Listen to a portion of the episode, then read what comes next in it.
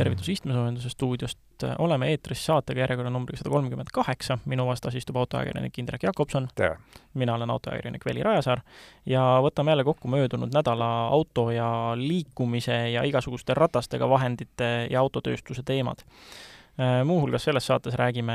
räägime liiklusest, räägime Pronksi tänava sulgemisest, räägime Tallinnast, ühistranspordist ja gaasist loobumisest, septembri automüügist, kütusest Äh, jälle kord on meie börsiuudis Porschelt, äh, edasi on meil juttu natukene Hondast ja General Motorsi koostööst, äh, ühtlasi läheme ka karastusjookide maailmakorra, kuigi see on siiski autodega vägagi tihedalt seotud, nimelt Pepsi Colalt tuli üks oluline teade. Elon Muskist on põhjust jälle rääkida, nädala proovisõiduautoks oli Mercedes-Benz EQB ja automõte jätkab seekord eelmise saate teemat. aga hakkame kohe pihta. Äh, esiteks äh, meie selline rubriik nagu tasu, tasumata kaubanduslik teadaanne. Äh, teadaanne on hästi lihtne ja selge. Tallinnas Telia konverentsikeskuses toimub kahekümne esimesel oktoobril selline vahva konverents nagu Elektra Pro kaks tuhat kakskümmend kaks. ja see on siis suunatud ettevõtete juhtidele ennekõike ja räägib äh, elektriautode kasutuselevõtust just ettevõtetes, mitte eratarbijale. kõigest, mis selle juurde käib, kulud, rõõmud, vaevad, räägivad praktikud, räägivad need, kellel midagi öelda on. ja noh, loomulikult on äh, seal üritusel sponsoreid, kes näitavad oma asju, Eesti Energia, on autod, on proovisõiduvõimalused, nagu ikka, üritus on tasuta, aga on vaja registreeruda soovijatel sellisel veebilehel nagu www.elektrapro.ee. nii et kes soovib, tunneb huvi, minge, registreeruge ja astuge läbi. tasumata kaubanduslik teadaanne lõppes. Läheme Tallinna uudiste juurde, eelmises saates rääkisime, et Pronksi tänav läheb äh, rekonstrueerimistööde tõttu kinni kuna me salvestame ise siin lähedal ja täna on meil kümnes oktoober, äh, siis äh, see on täitsa aktuaalne, nüüd see tänav ongi kinni, tulime mõlemad, liiklesime siiapoole ja saime vaadata, kas on siis kuidagi ummikud või palju ebamugavam või, äh, või mis ta endast siis kujutab, kuidas sul see kogemus oli? mina tulin Liivalaia tänava poolt ja sõitsin parempoolses reas. varem ei tohtinud teatavasti pöörata mööda Raua tänavat vasakule, tohtis pöörata ainult paremale, nüüd pööravad paremale kaks sõidurida ja siin on oluline tähele panna, et pärast seda, kui olete keeranud kahekümne esimese kooli poole, siis esimene ehk parempoolne rida saab kohe otsa ja jääb alles ainult üks, sest kooli esine on üles kaevatu. noh, ja sealt edasi on juba suhteliselt valutu, on ju, meil oli vaja tulla siis äh, siia Ahtri tänava poole tagasi, ütleme siis, äh, mis ta siis on, Nor-, Nordica Norde Centrumi poole ja noh, mi-, mina märkasin ühte puudulikkust liikluskorralduse jah, no issand jah, kogu aeg läheb, nimed vahetuvad väga kiiresti. Äh, märkasin ühte liikluskorralduse puudulikkust. kui nüüd tulla kirjeldatud teed mööda, keerata paremale Raua tänava peale, äh, jätkata äh, vast otsa lõppenud parema asemel vasakus sõidurajas kahekümne esimesest koolist mööda ja siis esimesel võimalusel Kreutzwaldi peale vasakule keerata siis äh, teadagi Kreutzwaldi lõpeb otsa Narva maanteega ristudes. ja seal otsas on alati olnud selline hea situatsioon, kunagi väga-väga ammu, kui me Janniga seda saadet tegime, siis me rääkisime ka nendest toredatest kohtadest Tallinnas, kus äh, võib minna taotlema kindlustuse kaudu oma autole uusi juppe, kui soovid. ja see on üks neist kohtadest, et äh, seal väga tihti on nii, et juhid ei märka seda liikluskorraldust ega, ega neid märke, mis seal üleval on, ehk siis mida need märgid seal üleval näitavad, seda, et kaks rada keeravad vasakule ja vasakpoolses sa, sul on lubatud jätkata tegelikult ainult sellel rajal, mis äh, päädib äh, vasakpöördega pronksile üle trammitee ja see on siis kaks te-, kaks teed on ju, rada keeravad ja sa pead jääma vasakpoolsesse. märgid kohustavad sind niimoodi lõpetama ja, ja siis nüüd Kreutzwaldi pealt pöörates see parempoolne rada on see, kus sa võid siis lõpetada nii bussirajale kui ka siis sellele nüüdseks keskmisele. noh, tead, eks üks on sealt ju kõige parempoolne üldsegi ära võetud ühesõnaga, seal on nüüd veelgi segasem see olukord. Äh, seal ei ole enam, äh, seal on nii, et seesama vasakpoolne rada, kuhu sa pead manöövri lõpetama, kui sa Kreutzwaldi peal vasakpoolsel rajal oled, äh, seal on märgid ees, sinna ei saagi jääda. mis, mis tähendab, et ähm, praegu juhid sõidavad seal nii, nagu nad on põhimõtteliselt alati vigaselt sõitnud äh, ja seal on selline, selles mõttes seal lihtsalt üks ristike tuleks peale tõmmata seal liiklusmärkidele ja siis oleks võib-olla asi natukene selgem. et ütleme, see ei ole enam see koht, kus väga nagu suure kindlusega võid minna, et äh, tulge, sõitke mul autole vasak külg maha, et ma saaks kindlustuse kaudu siin mis iganes, uue ukse üle värvi ja ma ei tea, mis asjad veel kõik. nojah, tuleb arvestada, et kui seal varem oli liikluskoormus selline, et see ristmik lasi läbi, siis nüüd on see seal tunduvalt suurem, nii et äh, õnnetuse tõenäosus on ka selle võrra suurem aga noh, ja trügimist oli palju, trammidele ettejäämist loomulikult oli seal, et kõik üritasid foori alt läbi saada ikka, et aga selles mõttes midagi nagu traagilist äh, esialgu vähemalt ei tundunud. suhteliselt, jah, äh, suhteliselt äh, noh, mina läbisin seda kanti umbes kell kuusteist nelikümmend viis, ehk siis ikkagi tipptund juba algamas, et et ähm, eks, eks aeg näitab, kui palju hullemaks see läheb, aga praegu oli niisugune täiesti talutav ja niimoodi esmakordsel läbimisel ka märgid olid piisavalt selged, et kui sul on vähegi natukene Tallinna tänavatest teadmisi, et siis sa saad sealt ikkagi nagu valutult läbi sinna, kus on tarvis. no me jätkame kindlasti oma testi, anname sellest ka kuulajatele teada, et mis hakkab juhtuma hommikuti, kuidas hakkavad äh, toimuma äh, liikluskorralduse muudatused, siis koolides, koolibuss ju sõidab seda teed pidi, see peab ju nüüd omale uue marsruudi leidma ja eks neid äh, ummikuid on ilmselt hommikul ja segadusi oodata veel. aga järgmine nädal kuuleb sellest jälle. no ja bussidest rääkides juba, siis äh, räägime Tallinna ühistranspordist, et äh, mõned saated tagasi sai sarjatud, et äh, noh, et kuidas siis nii, et CNG busse on ju ostetud ja lühinägelikult kõik diiselbusse asendama kukutud nüüd ikkagi DLT on vaadanud, et noh, loomulikult on praegusel hetkel mõistlik diiselbusse tänavale tagasi tooma hakata. et meil on tegelikult väga hea meel, et äh, Tallinna Linnatranspordi aktsiaseltsi nõukogu esimees Lauri Laats oli piisavalt tark mees ja suvel, kui diiselbusse hakati järjest maha võtma, siis ta ütles, et meil on hea hulk diiselbusse alles ja me peame tõsiselt järele mõtlema, et kas me anname nad kohe ära, müüme maha või ikkagi hoiame neid valmis ja olukorra muutudes saavad, saame olema paindlikumad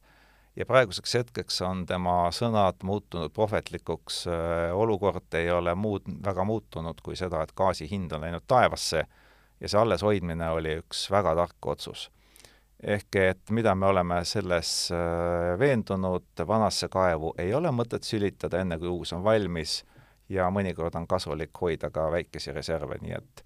Tallinn on õnneks suutnud hakkama saada ja ei ole kiirustanud ja see on hea. järgmiseks kütusest, kui juba gaas ja diisel niimoodi läbi käisid, siis äh, Brenti naftabarrel vahepeal äh, on olnud pikalt seal üheksakümne USA dollari kandis, aga nüüd on ikka üritanud sinna saja piirimaile tagasi trügida ja mina näiteks eile tankimas käies vaatasin, et äh, ma olin juba jälle uuesti ära harjunud, et noh, et saab juba niisugune ühe koma kaheksa millegi kõrgega ja siis jälle vaatasin, et kuramus jälle üks üheksa sinna kesk, keskpaika, et no sa tankisid üheksakümmend kaheksat? jaa, muidugi, jah, jah, jah, paraku on, paraku on selline, selline elu, et peab, peab võtma seda, et natuke rohkem maksma, aga vaatasin kohe jah, et huvitav, et et noh, et Brent on tõenäoliselt just käinud, et kohe on see, kohe on muudatus tanklates kajastunud, et ei ole nii selline pika vinnaga, et kui Brent alla läheb, et siis sa ootad pikalt, et millal see nüüd siis tuleb, vaid oligi kohe selge märk, et ahah, ma ei pea põhimõtteliselt Brenti kontrollimagi, kindlasti on üles hüpanud ja et nii ta tõepoolest on ja nüüd on üheksakümmend viis, maksab üks kaheksakümmend seitse diiselkütus sama palju ja üheksakümmend kaheksa veel kuus senti rohkem. ja tõepoolest, Brenti naftavarrel nagu flirtis saja dollari tasemega, läbi sealt ei murdnud, äh, aga noh, posti otsas on kõik ikkagi päris mitu senti kallim. et äh, mis siis toimunud on, noh lühiajaliselt on asi läinud jah, tõepoolest ülespoole, aga kui kauaks seda jätkub, selles väga kindel ei ole ja, ja ega me ei ole selgeltnägijad, nii kõva põrget tegelikult nafta hinnas ülespoole ei ole olnud suvest saati. aga samas me ei arva ka, et see väga pikalt kestaks, sest äh, fundamentaalset põhjust ju tegelikult nafta hinna tõusuks ei ole. No vaatame korraks sisse, miks see asi üldse juhtus. teatavasti spekuleeriti üle-eelmisel nädalal, et äh, siis äh, läinud esmaspäeval toimunud OPEC-i kohtumisel hakatakse piirama nafta tootmist ühe miljoni barreli võrra päevas. aga kui kohtumise lõppkommünikee avaldati, siis selgus, et sellest ühest miljonist tuli kahemiljoniline kärbe. ja see oli turgudele paras šokk, ehmatati ära ja barrel hüppaski seda kümme dollarit ülespoole. mis tegelikult toimub, on ju see, et see kaks miljonit Äh, barrelit päevas, ega OPEC-i riigid tegelikult selle võrra seda mahtu vähendada ei suuda, sest juba eelmiselgi korral kui otsustati ühe miljoni võrra vähendada, siis nad tegelikult ei suutnud, et noh, see üks protsent on tegelikult, see on tegelikult üks protsent kogu maailma nafta tootmise kogumahust üldse, et sellel on tegelikult psühholoogiline mõju. no võtame siia kõrvale absoluutnumbrid, kui keskmiselt eelmisel aastal toodeti seitsekümmend seitse miljonit barrelit päevas, siis kui nüüd vähendada seda seitsekümmend seitset ühe võrra, no siis võib-olla mingisugune mõju on, aga see mõju on rohkem psühholoogiline. ja kui juba nafta peale läks, siis veel äh, paar sellist numbrit, et kes on siis maailma suurim naftatootja? praegusel hetkel ei ole Saudi Araabia, ei ole ka Kuveit maailma suurim naftatootja, on tegelikult Ameerika Ühendriigid. teisel kohal Venemaa, siis tuleb Saudi Araabia, siis üllatuslikult Kanada, siis Iraak, siis Hiina ja siis äh, Emiraadid, Brasiil, Kuveit ja siis lõpuks kümnendal kohal Iraan. et mida see näitab, arenenud riigid, kes tarbivad palju naftatooteid, on tegelikult ka hakanud palju ka ise tootma ja kui esinelikust on pooled äh, Ameerika kontinendil, siis see annab väga selge vihje, et nemad on seal ka energeetiliselt sõltumatumad kui meie. ja viimane fakt selle kohta, et Ameerika Ühendriigid läksid Venemaast äh, mööda ja muutusid suurimaks naftatootjaks juba neli aastat tagasi, eks, kaks tuhat kaheksateist. jah, mina oleks tegelikult tahtnud, tahtnud siin inertsi pealt pakkuda ikka Saudi Araabiat suurimaks tootjaks. me oleme jah, sellega harjunud, eks ole, aga noh, ameeriklased on teinud asju vaikselt, aga kindlalt, sest eks nad saavad ka aru, et äh, noh, sõltuvust teistest tuleb vähendada ja loogiline, loogiline käik, et kõik nagu, kõik tahavad teha mikrokiipide ja igasuguse muu autoalase toodanguga, akupakid, noh kõik, kogu, kogu aeg käib äh, korduv teema meil saatest läbi, on ju, et kes jälle rajab uue tehase, kes jälle tahab sõltumatumaks muutuda, et siis see on tegelikult selge igatepidi aga nüüd hüppame kütuse pealt elektrile ja mitte kõrgele elektri hinnale, vaid elektriautode müügile septembris. et need numbrid on nüüd avaldatud ja siin esimese asjana ma tooksin välja, et septembris kõige enim müüdud elektriauto oli Škoda Enyaq, mida läks kolmteist autot ja kokku müüdi sada viis täiselektriautot. Et ühtekokku on siis praeguseks hetkeks äh, tänase seisuga registris meil kolm tuhat kolmsada seitse elektriautot ja see moodustab Eesti autopargist siis null koma kolmkümmend viis protsenti. selle kohta võiks öelda, et arenguruumi on kui arvestada, et Eestis on praeguseks hetkeks registris juba üheksasada nelikümmend kuus tuhat kaheksasada kakskümmend autot. Nagu varem ka rääkisime, eks üks põhjus ole ilmselt selles, et meil on päris palju selliseid autosid, mis küll registrit koormavad, aga tegelikult on kuskil kuuri taga ammu juppideks lõigatud. aga registris nad on ja praegusel hetkel noh, lisaks sellele kolme tuhande kolmesaja seitsmele särtsukale on hübriidautosid kakskümmend kuus ja pool tuhat ja bensiini ja diisli osakaalud on tegelikult peaaegu võrdsed, nelisada seitsekümmend kuus ja nelisada kolmkümmend seitse siis vastavalt. ehk et kõige rohkem autosid Eestis liigub praegu ikkagi bensiini peal ja diisel on siis napilt teisel kohal. kõik ülejäänud asjad on toredad, aga suhteliselt väheolulised. noh, ja vaadates siin äh, tavalisemate autode müüki, siis äh, septembris võimutses jälle kord Toyota Äh, ja seekord top kümnes olid nii kaks Toyotat kui ka kaks Škodat, et müüduim loomulikult üllatus-üllatus Toyota RAV4, äh, teisel kohal Škoda Octavia ja natuke tabelis taga, tagapool siis kuuendal kohal Toyota Corolla ja seitsmendal Škoda Kodiaq üldsegi. aga selle Toyota Corolla ees on üks eksikülaline, kui ornitoloogilist terminit kasutada äh, mida siis öeldakse nende lindude kohta, kes on oma rännakut teedel kogemata võõrasse kohta sattunud, kus nad tavaliselt elada ei tohiks. ja Audi Q2 on lausa uhkel viiendal kohal. Siin tahaks küll pakkuda, äkki see on mingisugune firma, firma autopargi täiendus või päris või... kindlasti on, sest kui vaadata natukene meie sõit, autorendifirmade logosid kandvat autoparki, siis Q2 on tekkinud päris kiiresti päris palju juurde, et tõenäoliselt üks suur tehing see on ja, ja veel äh, minu silm tuvastab ka väljatoomist väärival kümnendal kohal Subaru Outbacki. kuidagi hästi vaikselt, aga ikkagi noh, eestlased teadagi, on Subaru rahvas ja, ja noh, ükskõik, et mudeli uuendusi ja mingeid suuri Subaru uudiseid ei tule meil siinmail peaaegu üldse, sõidavad oma põhiliste mudelite najal kogu aeg ja seal mingisugust värskust ei ole, siis äh, müük ikka käib aktiivselt ja muudkui läheb. ja ennast on üsna vaikselt sellesse tabelisse pressinud veel ka Kiia, kes on samamoodi suutnud kaks mudelit sinna panna, uus mudel Seed, mis on siis nüüd ilma ülakomata Seed, ja Sportage, mis on juba küllaltki selline populaarne mudel, et mudelite osas on esimene, esikümme suhteliselt konkurentsitihe, aga markide lõikes on Toyota ikka veel praegusel hetkel selgelt ülekaalukalt, noh, Škoda on küll järgi tulemas ja Peugeot omakorda, aga Toyota liidripositsioon on küll vääramatu, et kolmsada kolmteist müüdud autot septembrikuus ja Subaru jälle kümnendal kohal, viiskümmend kuus autot. ja, ja samas põnevate, põnevamate ja kallimate autode osas vaadates siis noh, Porsche on puha rahvaauto, septembris läks kaubaks neliteist uut Porsche't näiteks. aga Cupraid, alles mõni saade tagasi rääkisime erimudel VZ5-st, üksteist Cupra sportautot läks kaubaks ja kaks Lamborghinit ja isegi üks Rolls-Royce, mida no neid näeb ikka nagu kuu, kuu varjutust meil siin. no hea on, meel on tõdeda, et äh, lõppude lõpuks on ka eestlased aru saamas, et äh, kallid autod peavad vastama ka meie kliimatingimustele ja teeoludele ja loomulikult see Rolls-Royce ei ole mingi muu kui Cullinan, et äh, kuue koma kaheksase mootoriga noh, täiesti sobilik liiklusvahend meile. Ja noh, sobilikest liiklusvahenditest rääkides, äh, kaubaks on läinud ka kuus CNG bussi ja kakskümmend kolm CNG sõiduautot, et et see on valus. jah, et ma arvan, selle Rolls-Royce'iga on palju vähem valus sõita ja seda täiesti, seda mugavust ja kõike kõrvale jättes. jah, et kui näiteks Solaris on müünud äh, kaks bussi Eestisse, siis üks nendest on lausa liigendbuss ja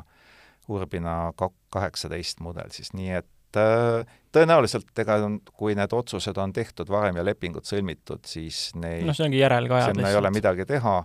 ja eks nad tõenäoliselt jäävad esialgu pikalt äh, seisma ja ootama õiget aega. Õnneks meil on need diiselbussid veel kusagil just, olemas, mis asemele panna ja et bussimüük muidugi õnneks ei koosne ka ainult CNG bussidest, et on seal ka täiesti tavalisi diiselbusse piisavalt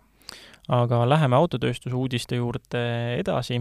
Hondalt uudis äh, General Motorsiga koostöö, et äh, väike platvormi jagamine on plaanis. jah, et ega see uudis nagu meie tähelepanu väga ei väärikski, kui tegu ei oleks esima, esmakordse sellise ühistööga. Honda teatavasti väga ei armasta ju teiste suurfirmadega koopereeruda ja äh, Proloog on Ameerika turule, ainult Ameerika turule mõeldud mudel, ta on pisut suurem kui CRV ja see jõuab siis müügile kahekümne neljandal aastal ja tegelikult on olemuselt siis General Motorsiga, et nii Cadillac Lyric kui Chevy Blazer kui ka see uus GMC Hummer, kõik nad siis jagavad sama platvormi ja sellele ehitatakse nüüd üllatus-üllatus hoopis Honda. et eh, noh, tõepoolest äh, rohkem detaile ei ole teada, aga internetis on küllaltki palju kommentaare, millest enamus arusaadavalt negatiivsed, peamiselt küll see, et oh, järjekordne igav linnamaastur, kuni siis soovituseni, et Honda võiks ette vaadata, milleni viib koostöö General Motorsiga, et Fordil on juba kibedad kogemused, miks samasse ämbrisse astuda noh, aga samas on äh, auto kohta nii palju teada, et noh, lisaks sellele, et ta tuleb jõhker koljat ilmselgelt, äh, vaadates, kellega ta platvormi jagab, siis äh, on teada, et erinevad parameetrid peaksid vastama enam-vähem Chevy Blazeri omadele. ehk siis sõiduulatus umbes viissada kilomeetrit ja maksimaalne laadimiskiirus kuni sada üheksakümmend kilovatti. proovime nüüd meelde tuletada, palju oli see mm, hiinlaste Tesla tapja laadimiskiirus, kas oli viissada nelikümmend kilovatti? nelisada kaheksakümmend. nelisada kaheksakümmend kilovatti, jah, jah, midagi sellist. aga jah, ärme enneaegu alla lase, et elame-näeme Äh, läheme edasi Riviani juurde, kes oli vahepeal saates lausa iga kord külaline, aga see, nüüd, nüüd on natuke pausi olnud Riviani osas. Ähm, sel korral võibki öelda, et nädala Rivian, nende selline väike uudis tuli, et on, on üks tilluke tagasikutsumine äh, Tilluke on absoluutnumbrites tõepoolest äh, väike, Rivian kutsub tagasi umbes kolmteist tuhat autot arvestades, kui palju on Rivian autosid tootnud, siis kolmteist tuhat tundub isegi nagu palju, arvestades kõiki uudiseid, eeldaks vähem. jah, et ilmselt ka ei hakka ta tagasi kutsuma veel tootmata autosid, aga eks see kogu tema toodetud autopark on. ja väga tehnilistesse detailidesse ta ei lasku, mis viga on, aga väidetavalt on tegemist ühe roolisüsteemi veaga, üks detail olevat valesti paigaldatud. Rivian rõhutab, ühtegi avariid sellepärast juhtunud ei ole, keegi kannatada ei ole saanud, et Äh, tegu on lihtsalt nagu ennetava muudatusega. üks detail valesti paigaldatud, kas see kõlab jälle, see kõlab jälle midagi stiilis John, you had one job, et äh, mulle meenub, mulle ei meenu, mis autotootja see oli, kellel oli tagasikutsumine, aga päris hea poisumudelit kutsuti sellepärast tagasi, et üks liinitöötaja ei teadnud, kuidas momentvõtit õigesti kasutada ja oli valesti kinni pingutanud asjad, et äh, kas see on, huvitav, kas see on nüüd Riviani puhul, kas tegu on roboti programmeerimisega, kus Johnil oli üks töö, või see on füüsiliselt mingisugune kokku, kokkupanemine, aga,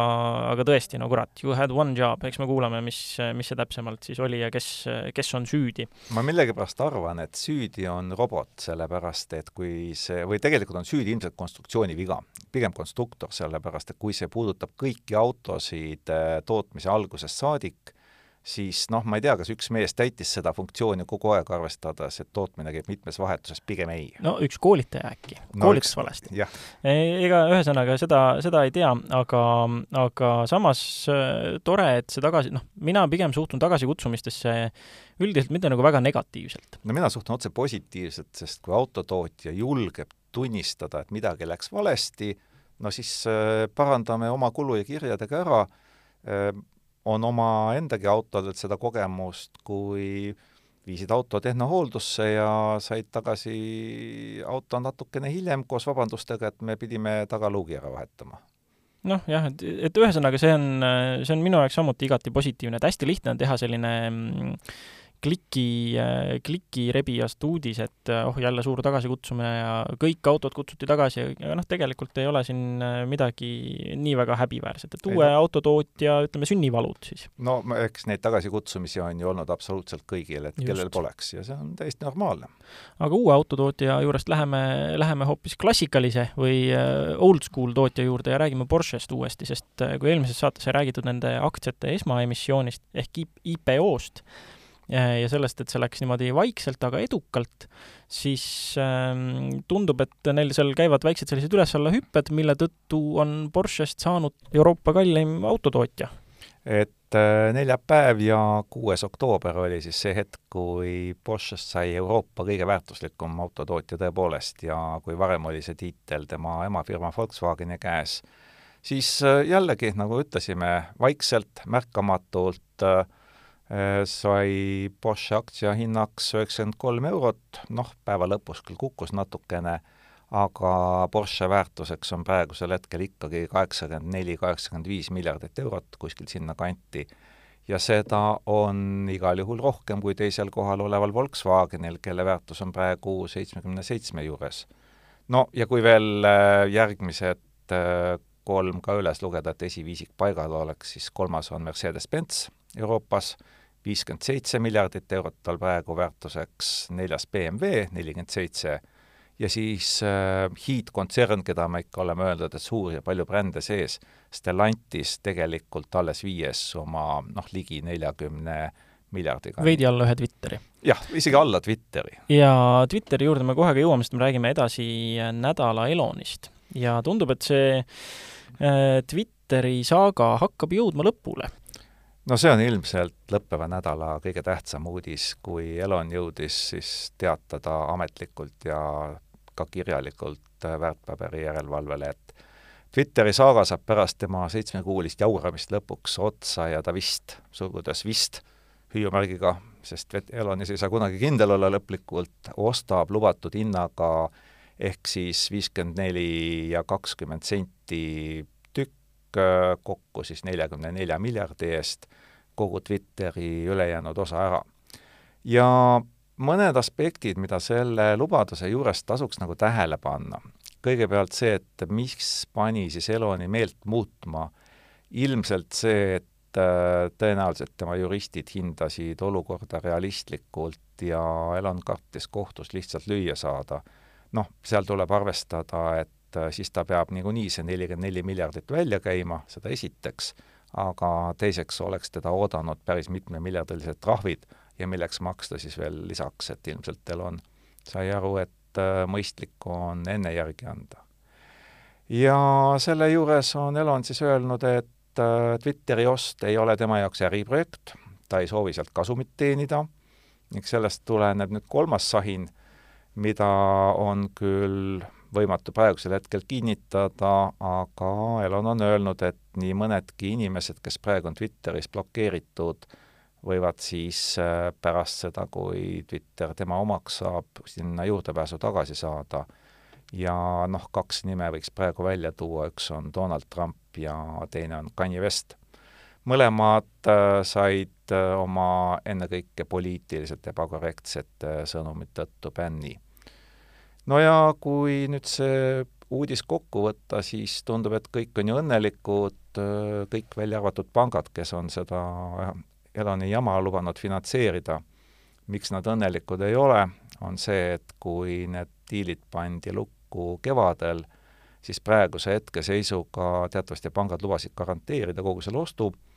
nad võivad saada umbes pool miljardit kahjumit, sest lihtsalt äh, võlakirjaturg on vahepeal muutunud teistsuguseks ja investorid ei pruugi sugugi seda võlga osta tahta.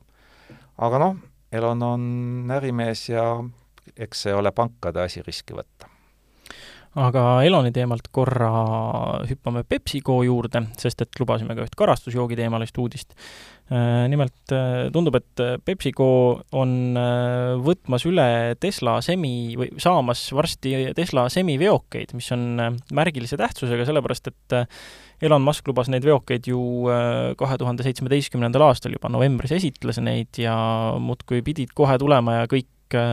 raske transpordi ümber tegema. viis aastat ja neliteist päeva, kui täpne olla, peaks olema ametlik hilinemine. no me oleme neid äh, semiveokeid näinud äh, näituselt näitusele liikumas treileri peal, mitte ise sõitmas, sest Elon ei tahtnud korrata Nicola õnnetut saagat, kui tuli karm kohtuasi kaela. Need tema autod seisavad paigal ja see, kui nad hakkavad nüüd tõepoolest äh, esimesest detsembrist PepsiCo juures ka liikuma, no saab olema päris suur ja uhke asi no loodame, et see on lubadus, mille Elon lõpuks täidab, aga noh, tal äh, muidugi jamasid selles mõttes jagub, et äh, eelmises saates rääkisime mm, tema küsitava väljaütlemise osa, teemal Ukraina kohta, siis nüüd on ta öelnud välja vägagi küsitavad arvamused Taiwan'i ja Hiina kohta. et nii küsitavad kohe, et Taiwan on isegi keeldunud seda jama kommenteerimast. et kui Ukraina puhul oli asi veel lihtne ja selge, et tõepoolest seal käib sõda ja inimesed hukkuvad ja Eloni väljaütlemist võiks pidada noh, mingil määral rahuplaaniks, siis nüüd pakkus Elon äh, mõni päev tagasi välja, et Hiina ja Taiwan'i vahelised pinged saaks lahendada, kui Taiwan'i territooriumi üle osa kontrolli Pekingile anda. ja Elon siis nimetab seda nii, et tema soovitus oleks Taiwan'ile mõelda välja spetsiaalne haldustsoon, mis oleks mõistlikult maitsev ja ilmselt see ei tee siis kõiki õnnelikuks, aga Peking teatavasti on lubanud Taiwan'i oma kontrolli alla võtta juba pikemat aega ükspuha mis moel ja Taiwan on vastu öelnud, et ainult saare kakskümmend kolm miljonit elanikku on need, kes otsustavad selle üle, milline on saare tulevik. ja Elon on selle kohta küll öelnud, et ma arvan, et tõenäoliselt tegelikult, et neil võib olla veel leebem kokkulepe kui Hongkongis, aga seda noh, see ilmselt jääb ka ainult Eloni arvamuseks, sest kui Hongkongi puhul räägiti alguses, et üks riik, kaks süsteemi, siis praeguseks hetkeks see teine ehk majanduslik süsteem võib seal hästi toimida, aga poliitiline süsteem on üsna üks mandri Hiinaga ja siiamaani selle üle keegi seal õnnelik ei ole. järgmiseks Elon Muski juurest hüppame uuesti korra Teslale ja vaatame, kui mitmel kontinendil on Tesla sama tähenduslik sõnaga elektriauto, ehk teisisõnu, kui, kui popp on Tesla eri kontinentidel Teslat on jah, tõepoolest peetud ju kogu aeg elektriautoandluse pioneeriks ja Teslat on mõned pidanud lausa elektriauto sünonüümiks. aga kui võtta viis inimestega püsivalt asustatud kontinenti ja vaadata, kui suur seal Tesla osakaal on, siis ei ole ime, et Põhja-Ameerikas on see seitsekümmend ja pisut peale protsenti, et seal tõepoolest kõige levinum elektriauto on Tesla ja üllatuslikult teisel kohal on Austraalia ja Okaania, kus kuuskümmend kuus protsenti särtsukatest on jällegi Teslad. no tõst-, tõepoolest seal tuleb arvestada sellega, et ühest küljest on suur Hiina tootjate konkurents, aga teisipidi Austraalia oma autotööstus elab juba pikemat aega sellist restruktureerimist üle, nii et äh, seal Tesla populaarsus on mõistetav. aga Euroopas ja Aasias üsna vähe, et Euroopas ikkagi oma tootjad on üsna moes kolmteist protsenti ainult Teslale, Aasias samamoodi kaksteist protsenti. ja üllatus-üllatus, Lõuna-Ameerikas, kus võiks ju arvata, et äh, Tesla on üsna populaarne, siis seal on ainult kolm koma kolm protsenti. miks? tõenäoliselt seetõttu, et ju siis pakutakse välja lihtsalt soodsamaid alternatiive ja Tesla kindlasti seda ei ole no aga räägime veel millestki, mis ei ole Tesla ega soodne alternatiiv ja see on selle nädala proovisõiduauto, milleks oli Mercedes-Benz EQB. ja sina said seda proovida, arvata Mm, esimese asjana ma küsiks kohe mingisuguseid äh, numbrilisi näitajaid ja räägime ära hinna ja mis sõiduulatust ja võimsust see masin pakub? No EQB-d on äh, saadaval kolmes versioonis ja need on siis kõik kolme eri võimsusega. Kõige odavam nii-öelda entry-level mudel on EQB kakssada viiskümmend tähisega ja see on siis sada nelikümmend kilovatti võimsusega, ja selle sõidu ulatus on väidetavalt siis kuskil nelisada kakskümmend kolm, nelisada seitsekümmend neli, ehk siis ütleme enam-vähem neljasaja seitsme, neljasaja viiekümne kilomeetri kandis ja maksab viiskümmend viis tuhat äh, eurot.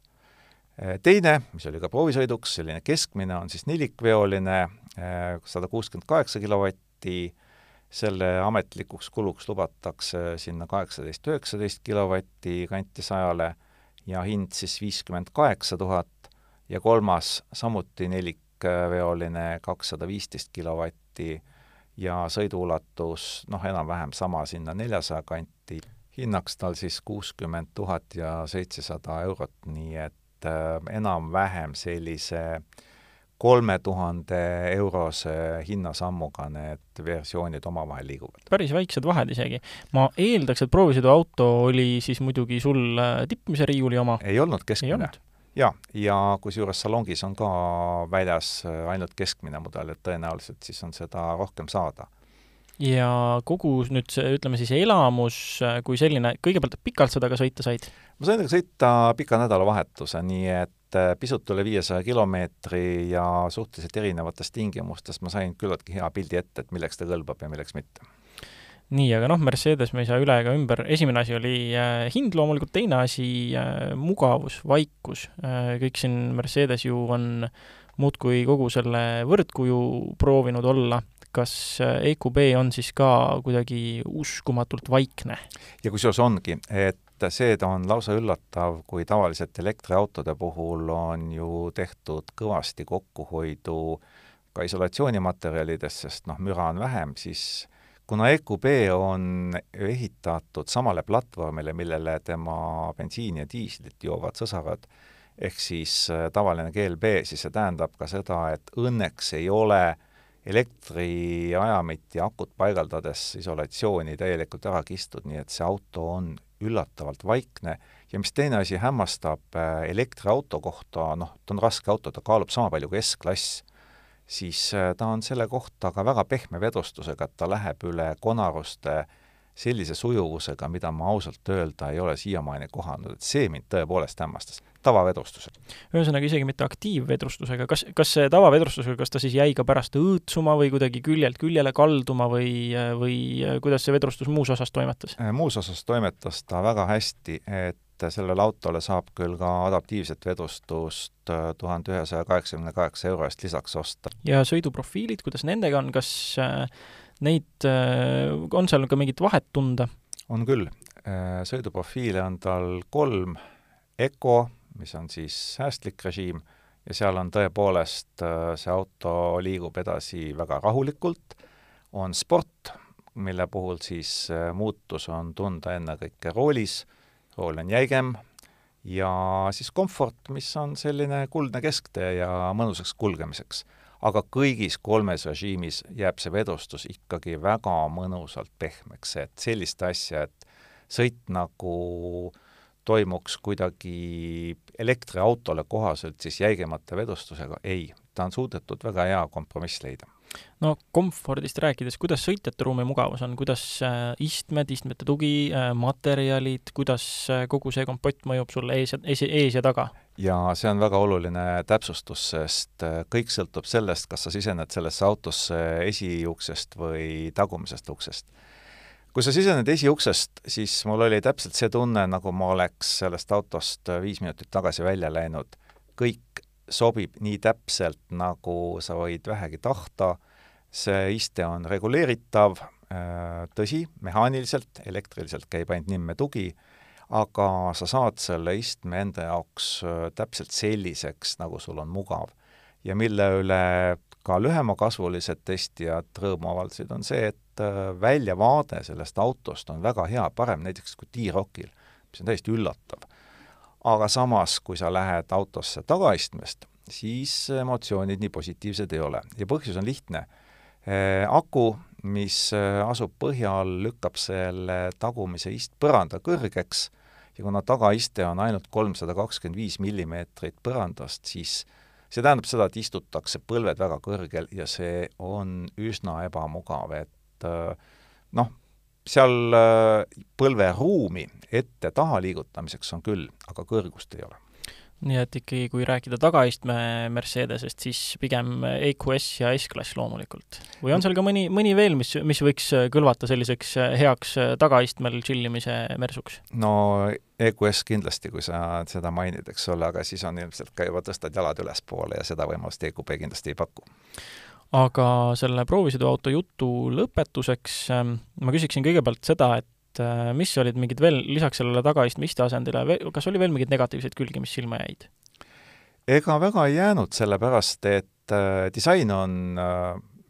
noh, nagu ka ilu vaataja silmades, see auto on väga ruumikas äh,, selles suhtes ei olnud mingit kahtlust, proovisime, mis on hea, selle auto tagaistet Äh, saab, tähendab, selline tagumist seljatuge saab niimoodi alla lasta, et moodustub täiesti sile põrand, mis tähendab, et see auto on praktiline. Noh, igast otsast äh, ja tagaistmel lihtsalt noh, kolme täismõõdus meest ei vea ja sellega tuleb lihtsalt arvestada, eks see olegi natuke väiksema kasvuliste inimeste jaoks. ja lisaks on ju see auto saadaval ka seitsmekohalisega, kohalisena, proovisõiduauto oli küll viiene, noh, paljudel seda seitset kohta tarvis on, aga kellel on, siis see on ikkagi suhteliselt äh, mõistlikus hinnaklassis äh, Mercedes, nii et äh, selles suhtes on, mis nagu halb veel ei oskagi rohkem öelda, kui tagaistme üle mitte, mitte nagu väga kurta, siis äh, helisüsteem, tehase stereo, mängib väga head häält, passiga peab olema natukene ettevaatlik, sest ikkagi noh, jällegi korrates seda, et tegemist on Mercedese mudeligamma alumise otsa autoga, siis mingist hetkest hakkab plast plärisema. Aga see on ikkagi ainult juhul, kui passi liiga palju põhja keerata. hääl on puhas ja kõrged toodid on väga ilusad, nii et tehase stereo üllatas väga korraliku häälega.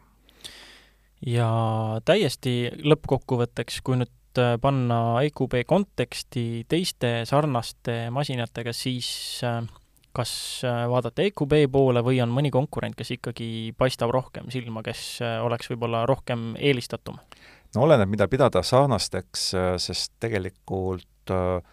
noh, kui vaadata autosid, mis on ehitatud ainult elektriauto platvormile, siis nende puhul on see üsna madal ja põlved lõua all taga istumine juba paratamatus. Aga arvestades, kui palju seal on ruumi, arvestades, et seal on võimalik äh, ikkagi seitse kohta ja arvestades, et tegelikult sinna juurde, sinna hinnale väga palju ei lisandu, et kui näiteks võtta demoauto, mis paikneb salongis, selle eest küsitakse kuuskümmend kuus tuhat eurot ja kui nüüd võtta juurde konkurendid, äh, noh, läheneb, varsti tuleb meile Volkswagen ID5, võib-olla kõige lähem konkurent oleks Volvo XC40, et selles hinnaklassis on konkurentsi küll, et ta on üsna sarnane teistega, et edasi-seal hakkabki juba mängima maitse asi, jah. Mm -hmm. aga lõpetame saate nädala automõttega, nagu ikka ja kui eelmises saates soovitasime hakata juba lamelle alla vahetama, sest et ilmad enam suurt sooja ei luba, siis nüüd võiks selle soovitusega ka jätkata. Aga siiski tasuks nüüd vaadata kõigil neil, kes suvel nende lamellidega ei sõitnud, et mis äh, seal auto all siis on ja kas need ikka kõlbavad alla panna ja need kindlasti, kes äh, suvel lamellidega sõitsid, äh, võiksid veel kriitilisema pilguga sinna autole vaadata ja mõelda, kas kolmekümnekraadise või ka suurema kuumaga kulutatud lamell talvel uuesti kõlbab. Ehk et meie soovitus on jah, vahetage oma suverehvid aegsasti talverehvide vastu ümber, aga vaadake enne kriitilise pilguga peale, sest kui see talverehv on kulunud suverehviga võrdseks, siis ei ole tast ka väga palju kasu, et kindlasti on praegusel hetkel mõistlik ikkagi soetada uuemad jalavarjud, kui seda hakata tegema detsembrikuus. No ja järgmine asi on muidugi see, et äh, aina lähemale hiilib ka aeg, millal naastrehvi juba, naastrehvid lubatud on siinkohal äh, kindlasti tasub neil inimestel, kes äh, maapiirkondades elavad, kus ikkagi näeb ka korralikku kiilasjääd, mõelda pigem võib-olla, neil tasub võib-olla natuke oodata ja lamelli asemel ikkagi need naastud, naastuaeg ära oodata ja naastud alla panna. no naastuaeg hakkab juba mõne päeva pärast, viieteistkümnendast oktoobrist on naastud ametlikult lubatud ja me salvestame seda saadet kümnendal, nii et ei ole palju jäänud. just, ja kui viis päeva mööda saab, siis ka mul on tegevust teada, et võtan oma vana ja usaldusväärse Corolla, mis terveks suveks seisma jäi ja ülevaatus sai läbi ja kõik, ja mõtlesin, et noh, viskan talle suverehvid alla ja lähen ülevaatusele, noh, see jäi loomulikult tegemata, et siis, kui viieteistkümnes kukub, siis äh, naastuda krõbinal ülevaatust tegema, et oleks ikkagi talveks äh, juba, juba üks masin valmis aga selle mõttega lõpetame seekordse saate järjekorra numbri sada kolmkümmend kaheksa. aitäh, et kuulasite ja loodetavasti kuulate ka järgmine kord! Kuulmiseni!